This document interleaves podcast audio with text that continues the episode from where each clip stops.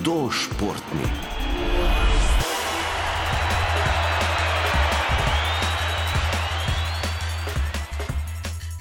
V zadnji rubriki Hudošportni pred počitnicami bomo govorili o košarkarskih pravilih, razliki med evropsko in ameriško košarko in o različnih položajih na igrišču. Naši sogovorniki so tudi tokrat vodja košarkarske šole pri košarkarskem klubu CD-vita Olimpija, Srečko Bester in fantje iz tega kluba, Lan Cukor, Bine Gabriel, Amar Grošič in Kale Mišič Čare. Hudo športni. Na parketu si pri košarki stojita nasproti dve petčlanski ekipi. Vsak igralec ima svojo nalogo, svoje močne plati, svoj položaj na igrišču. Kako je z našimi mladimi sogovorniki? Vi že igrate na svoji poziciji, pri kateri starosti se to sploh v ekipi razdeli? Mislim, je nekako tako opredeljen, sam ni še čist, pač večinoma se lahko tudi menjamo, kdaj na pozicijah ni še tako opredeljen. Po mojem, da se to bolj, bolj ki si starejši, se to bolj izraz, kaj kdo pa. Mi, mi, še, mi se še dosti menjamo. Um, katere pozicije poznamo um, v košarkarski ekipi? Uh, imamo enko point guard, dvojko shooting guard, uh, trojko small forward, štiri power forward in petko center. Uh, poznamo tudi kakšne slovenske izraze za to? Uh. Enka je organizator igre, petka ja, je um, center, torej šterka pa trojka sta krili, dvojka, oziroma lahko tudi trojka reče, sta pa branilci. In uh, se ti že mogoče spogleduješ s kakšno pozicijo? Uh, ja, jaz sem torej na meji med um, dvojka pa enko, torej branilec pa organizator igre.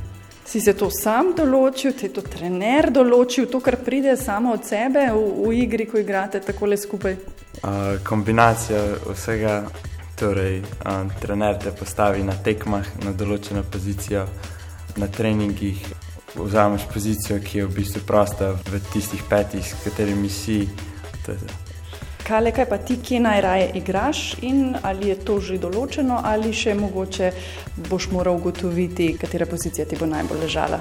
Jaz igram branilca oziroma krilo. Ta pozicija mi je čisto redo, meni se zdi, da mi ta pozicija čisto ustreza. Določil mi jo je po moj trener, ki me je postavil tja na tekmah in potem sem se že tja postavil na treningih. Amar, pa tvoja pozicija? Uh, jaz sem enka ali organizator igre, uh, tudi po mojem, zaradi moje višine, ker sem bolj manjši med fanti, s katerimi treniram. Uh, imam pa tudi dober šut, tako da se včasih na tekmah znajdem na uh, dvojki na branilcu. Uh, ampak ja, uživam tudi najbolj v organizatorju igre. In še lan. Uh, ja, jaz sem v bistvu ja, krilo, laufam ker sem dosti hiter, pa mi v bistvu to dosti uh, mi leži, a ne, dosti v redu, pa trener me je dal na to pozicijo in od takrat naprej sem tam imel v redu.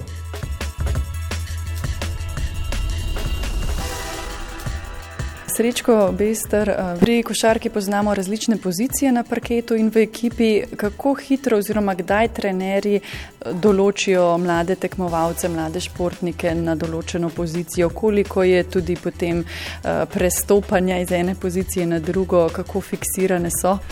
Teh pozicij, bom rekel, v tem delu, ki se igremo mi košarko do 16 let, jih nekako nobenega igralca ne fiksiramo na nobeno pozicijo.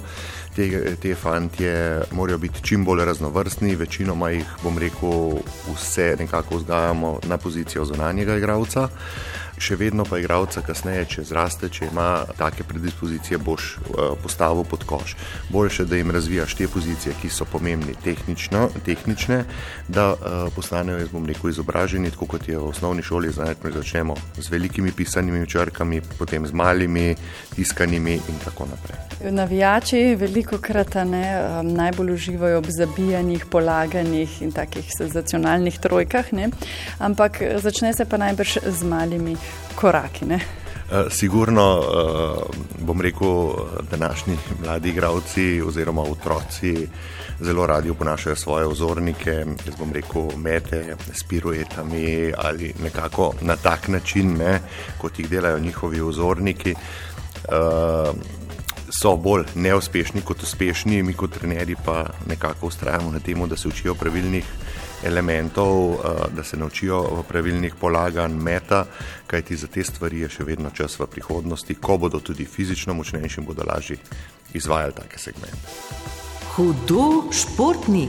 Pa vi, glede na to, da imate vsak dan trening, greste kdaj tudi po šoli, po treningih še na igrišče s kakšnimi drugimi vrstniki, prijatelji, igrati ali imate v dvorani košarke dovolj?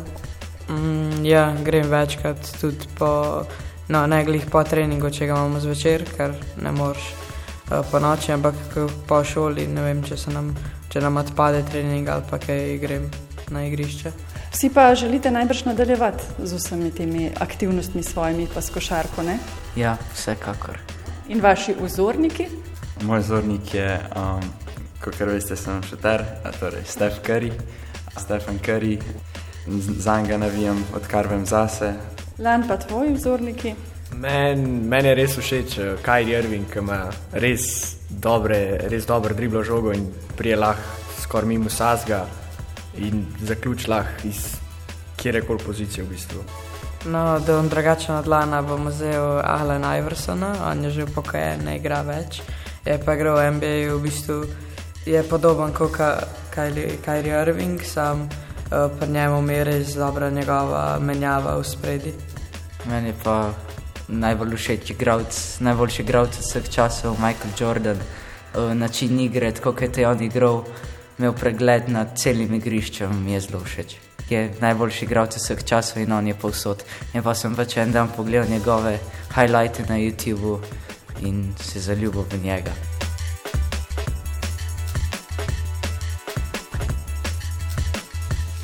Tudi tisti, ki košarke ne trenirate, pa se žogo odpravite na igrišče, lahko izboljšate svoje znanje tega športa. To je zdaj spet odvisno od vsakega posameznika, ali to želi ali ne želi. Sigurno je to, da mladi igravci, ki želijo popravljati, to delajo že tudi sami na zonanjem igrišču. Vsekakor pa bom rekel, za te otroke starosti do 13 let je že v današnjih časih ogromnega pomena, da se sploh pojavijo na zonanjem igrišču. Bodimo realni, v preteklosti je bilo košarke na zonanjih igriščih veliko, zdaj pa s časoma je to počasi uh, začelo padati. Sigurno pa lahko ti igravci tudi samo treningom na zonanjem igrišču, ko odpravljajo posamezne elemente, naredijo tudi nek napredek, korak naprej. Če kdo hoče izboljšati uh, svoj odstotek zadetih prostih metov ali pa trojk, ne, najbrž je tu edini pravi recept: vaja, vaja, vaja. Trening, trening, trening, veliko ponovitev. Uh, po 100, 200, 300 ponovitev uh, na trening, ampak to ne bo pripeljalo, da bo to dva dni treniral, potem bo pa kar naenkrat zadeval. Ampak to je proces, ki traja lahko tudi eno leto. Hudo športni. Pa povejmo še nekaj o pravilih, največ govora, tudi različnih stališč, saj pri navijačih povzročajo koraki. Kaj so koraki v košarki, nam je razložil Srečko Bester. Koraki vemo pri prehodu v vodenje z enim korakom, na koncu imamo dvokorak oziroma jaz pravim temu razne uh, izkorake. Danes je ta prvi korak v košarki dosti krat že spregledan, pride do dveh ali celo v enem segmentu treh korakov, ki se spregledajo.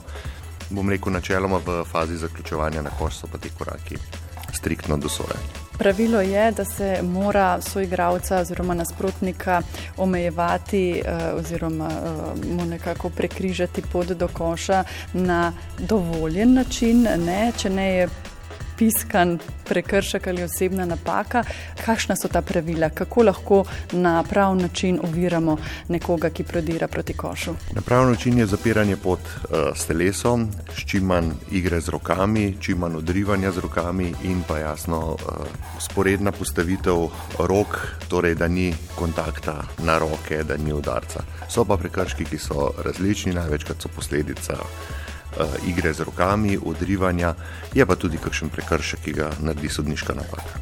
Kaj pa je tehnična napaka? Tehnična napaka je lahko posledica simuliranja ali pa neprimernega obnašanja in posameznika in trenerja, pripelje ponovadi do tehnične napake. Eh, še eno vprašanje so tisti, ki stavijo na napad in tisti, ki stavijo na obrambo. Na kaj stavite trenerji? Spet odvisno od kategorije, uh, staviš na, in na kvalitetno obrambo, predvsem pa tudi na napad. zlasti v nižjih kategorijah. Sam zagovarjam, da je to precej hitra igra, da se poskuša igrati čim več proti napad, s čim več gibanja, otekanja. Uh, ker če otroci to usvojijo, uh, lažje igrajo potem tudi kasneje. Ne? Da bi pa rekel, da bi se za eno ali pa drugo opredeljeval, pa niti ne. Zdaj pa še zadnje vprašanje. Razlika med evropsko in ameriško košarko. Uh, bom rekel, konkretno ameriške košarke uh, spremljam bolj malo. Končnica je, vsaj v tem trenutku, tisto, kar sem si ogledal, veliko bolj že se igra. Temu rečemo prava košarka v tekmah med sezono. Dosti krat se mi zdijo, da tekme izgledajo bolj kot trivialne. Uh, kar zadeva pa evropske košarke, je pa praktično vsaka tekma skoraj uh, nekje vojna, se mi zdi, da je več ostrine, uh, sigurno pa kvaliteten nivo je na strani ameriške košarke. Mm, kaj pa že samo tiste dimenzije, se pravi višji koš, je to res? Mislim, da ne, da je višina koša ista v obeh. Uh, trojka je v Ameriki res bolj oddaljena, uh, so pa tam igravci, saj po tem nivoju znanja na višjem nivoju. Košarkarski klub CD-vita Olimpija je najboljši v Sloveniji, zdaj člani so državni prvaki, pa tudi kakšne nižje kategorije. Kaj pa za prihodnje? So te mlajše generacije tiste, ki bodo zmagovali tudi čez nekaj let, ali je korona tudi naredila svoje? Korona je sigurno pustila posledice, ker v zadnjih dveh sezonah, če smo realni in s počitnicami in s koronami, so otroci praktično devet mesecev bili doma. Načeloma pri nas nekega osipa ni bilo, so bili posamični primeri osipa, verjetno tukaj so bolj utrpele manjše sredine.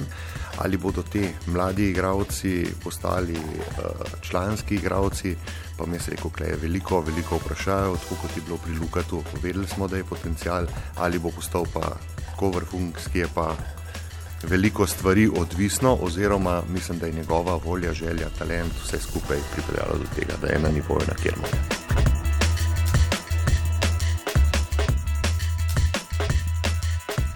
Mnogo je torej odvisno od nas samih, naše pripravljenosti, ustrajnosti in veselje do športa.